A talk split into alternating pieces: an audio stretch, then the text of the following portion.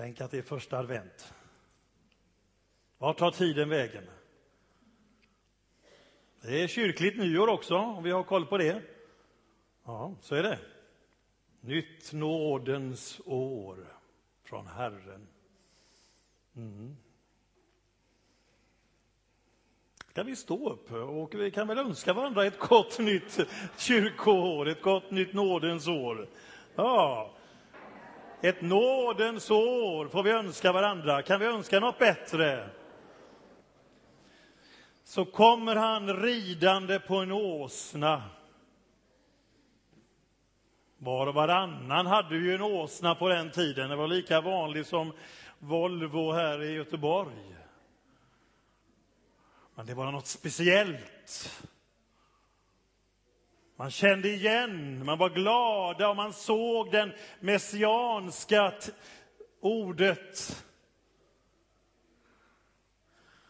Man sjöng Hosianna, Davids son, välsignade han som kommer i Herrens namn.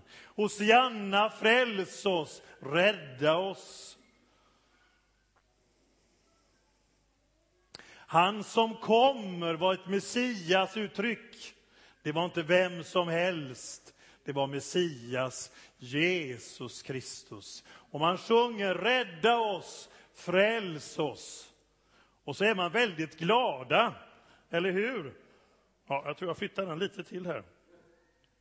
Ja, det får bli något sånt idag. Så jag ser riktigt ner här också. Så ja, vi är inte för nära ljuset.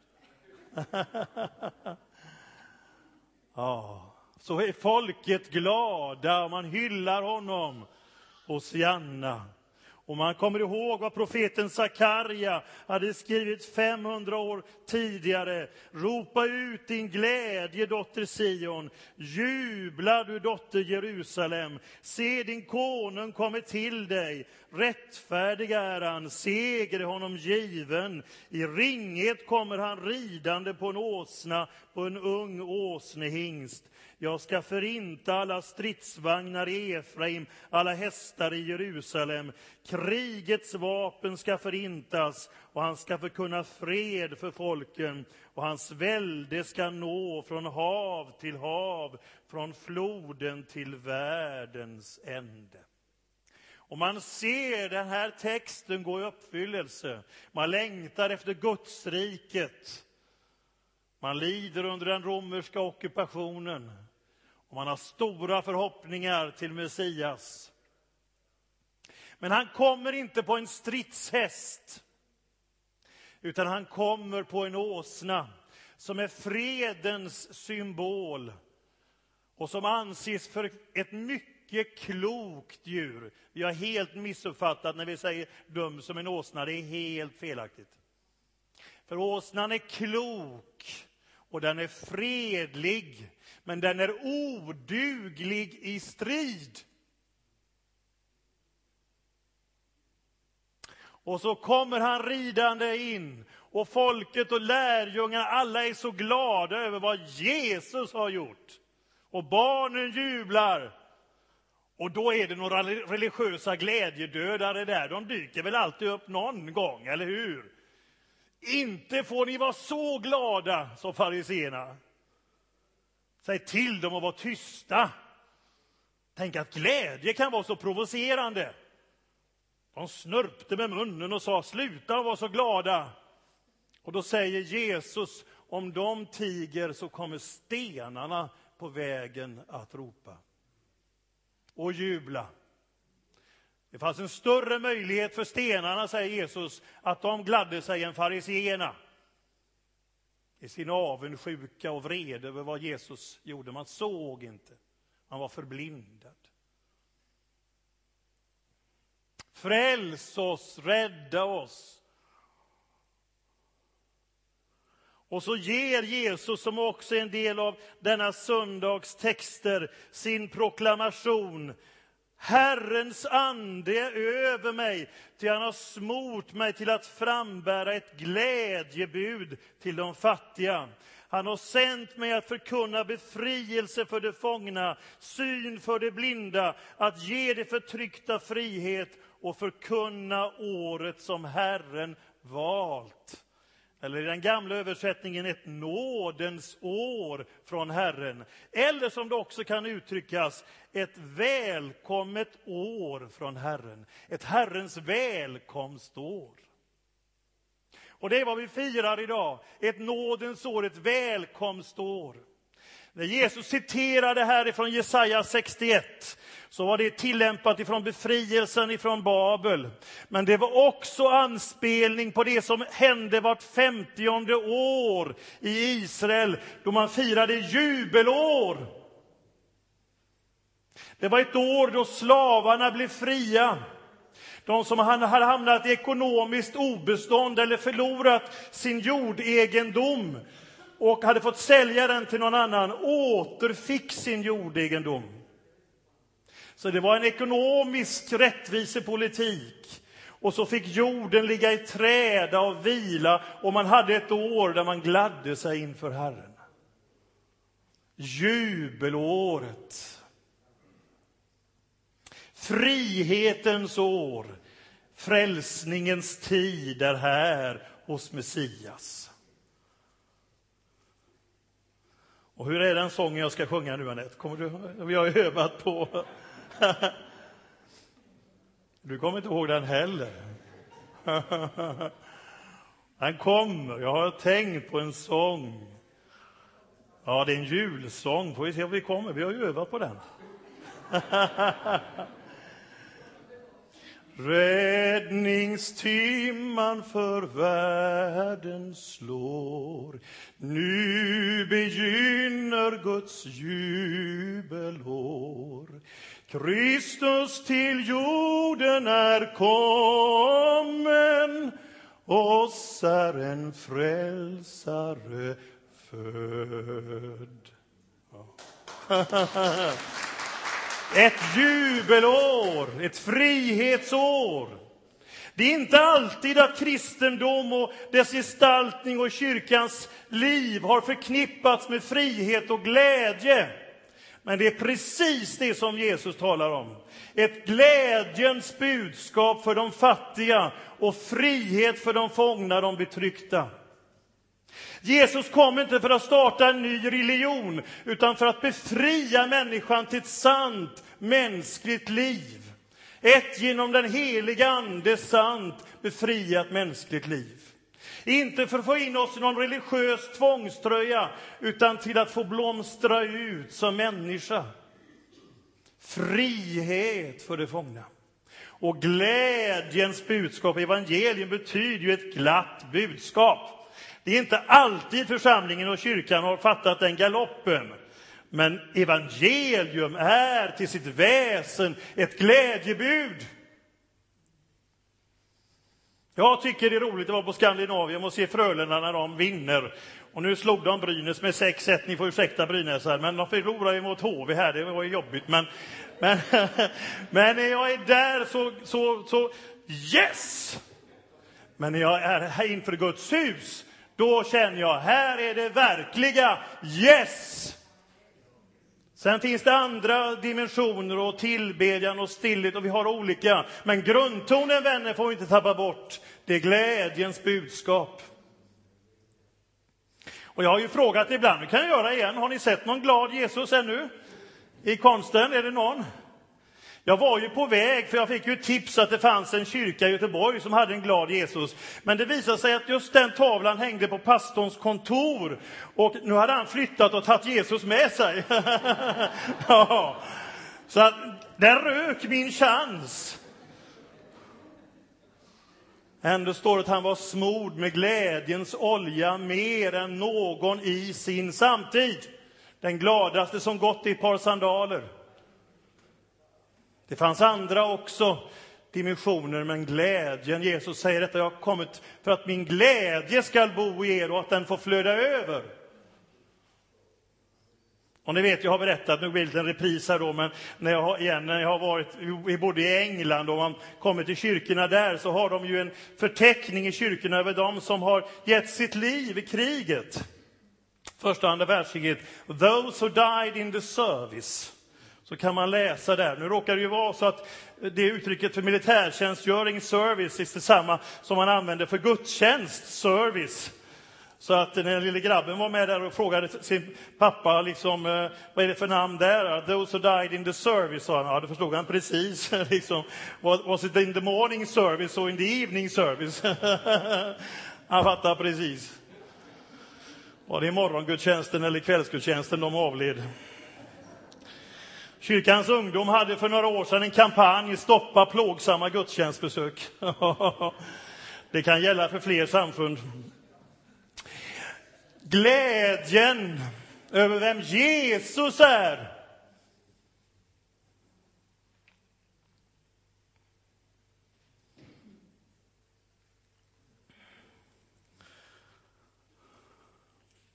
Och vi har påmint oss om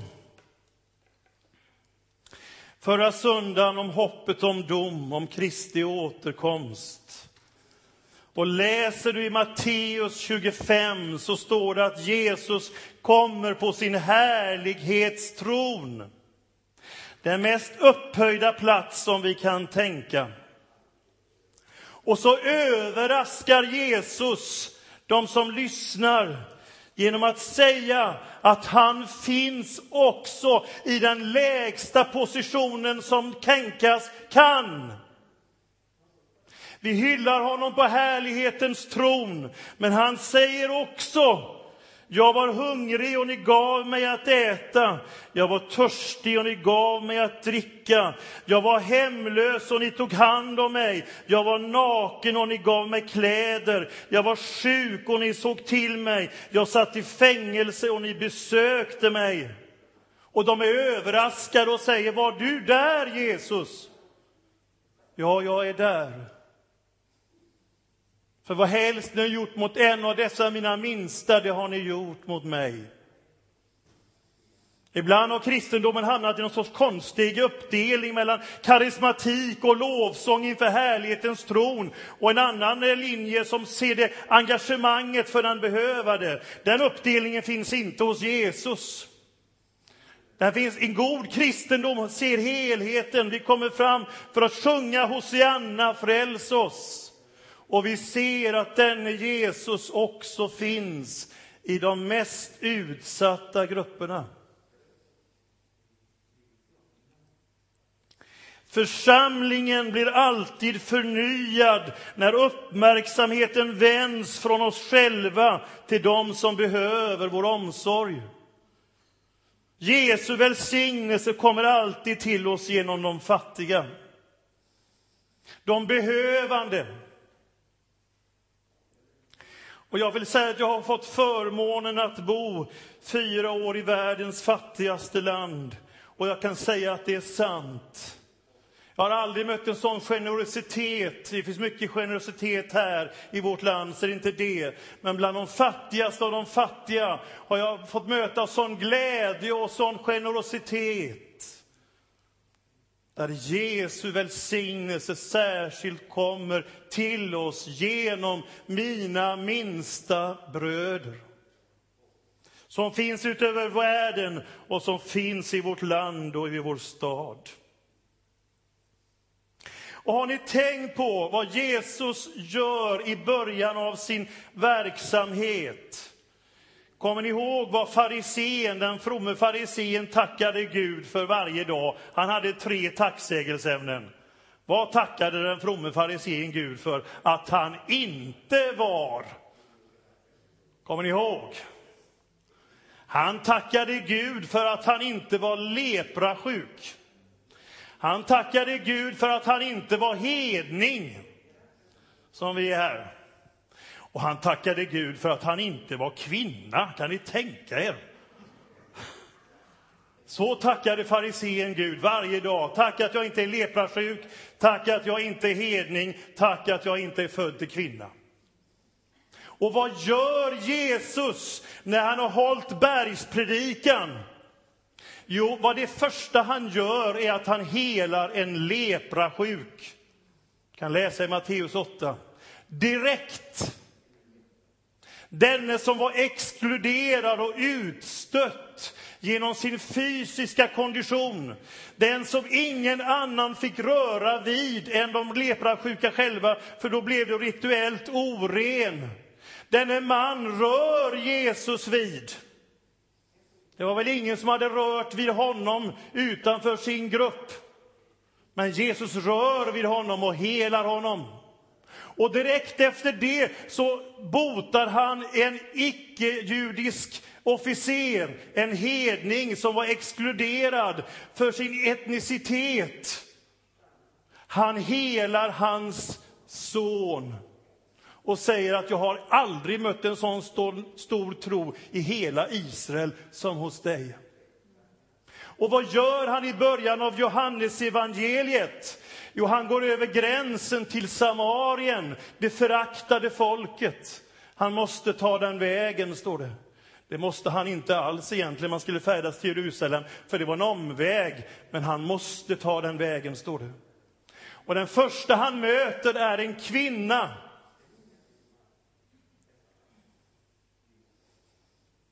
En samarisk kvinna. Och för henne avslöjar han att han är Messias.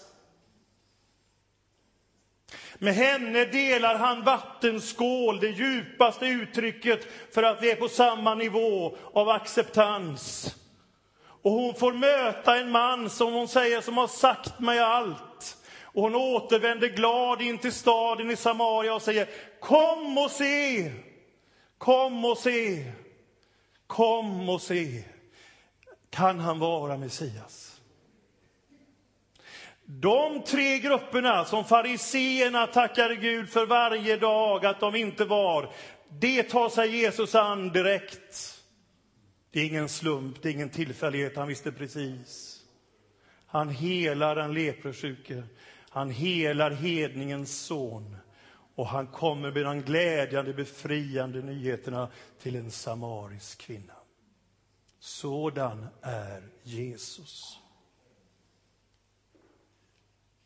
Och psalmisten uppmanar oss i psalm 24. Portar öppna er vida, höj era uråldriga dörrar, låt ärans konung draga in. Vem är han, ärans konung? Jo, det är Herren Sebaot. Han är ärans konung. Och han säger till oss, vidga era hjärtan, låt det inte vara trångt i hjärtat för mig och för er broder och för er syster. Vidga era hjärtan. Och jag ber att detta nya nådens år för vår församling ska få vara ett särskilt välkommet år för människor i vår stad att få möta den levande frälsaren Jesus Kristus. Har ni varit i St. Paul, St. Paul's katedral? Jag har inte varit det, men någon kanske har varit det. Jag var på utsidan en bit in och sen tyckte jag det var så dyrt att gå in. Så vi gick inte in där, men där ska, nästa gång ska vi gå in där, för där hänger en, är det någon som har varit inne i Sankt Paul? I London. Ja, Lennart. Där, där hänger en tavla av 1800-talskonstnären Holman Hunt som heter Världens ljus. Där Jesus knackar på. Det är murgröna och det är lite så här otillgängligt, men han knackar på en dörr. Han vill komma in och hålla måltid, som det står i Uppenbarelseboken, med dig och mig. Och dörren representerar vårt liv vårt hjärtas dörr. Och så sa man till Holman Hunt, konstkritikerna, när han har gjort måltavlan färdig, men snälla du, du har ju glömt, det sitter ju inget handtag på dörren. Nej, säger Holman Hunt, det är inget misstag, för handtaget, det sitter på insidan. Det är du och jag som får öppna upp. Han tvingar sig inte på. Och låt oss göra som salmisten säger. Portar öppna er vida, höj er uråldriga dörrar. Låt ärans konung draga in. Vem är han, ärans konung? Det är Herren Sebaot. Han är ärans konung. Amen.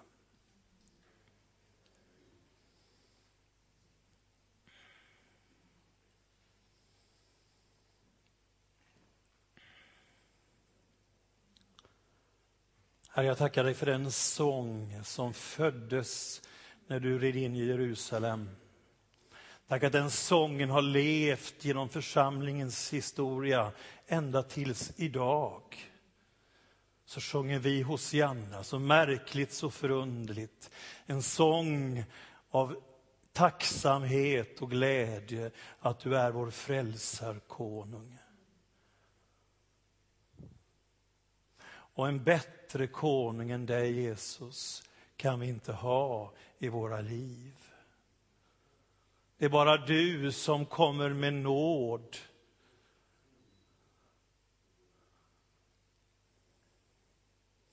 Och rövaren på korset som säger tänk på mig idag när du kommer i ditt rike. Och du säger idag är du med mig.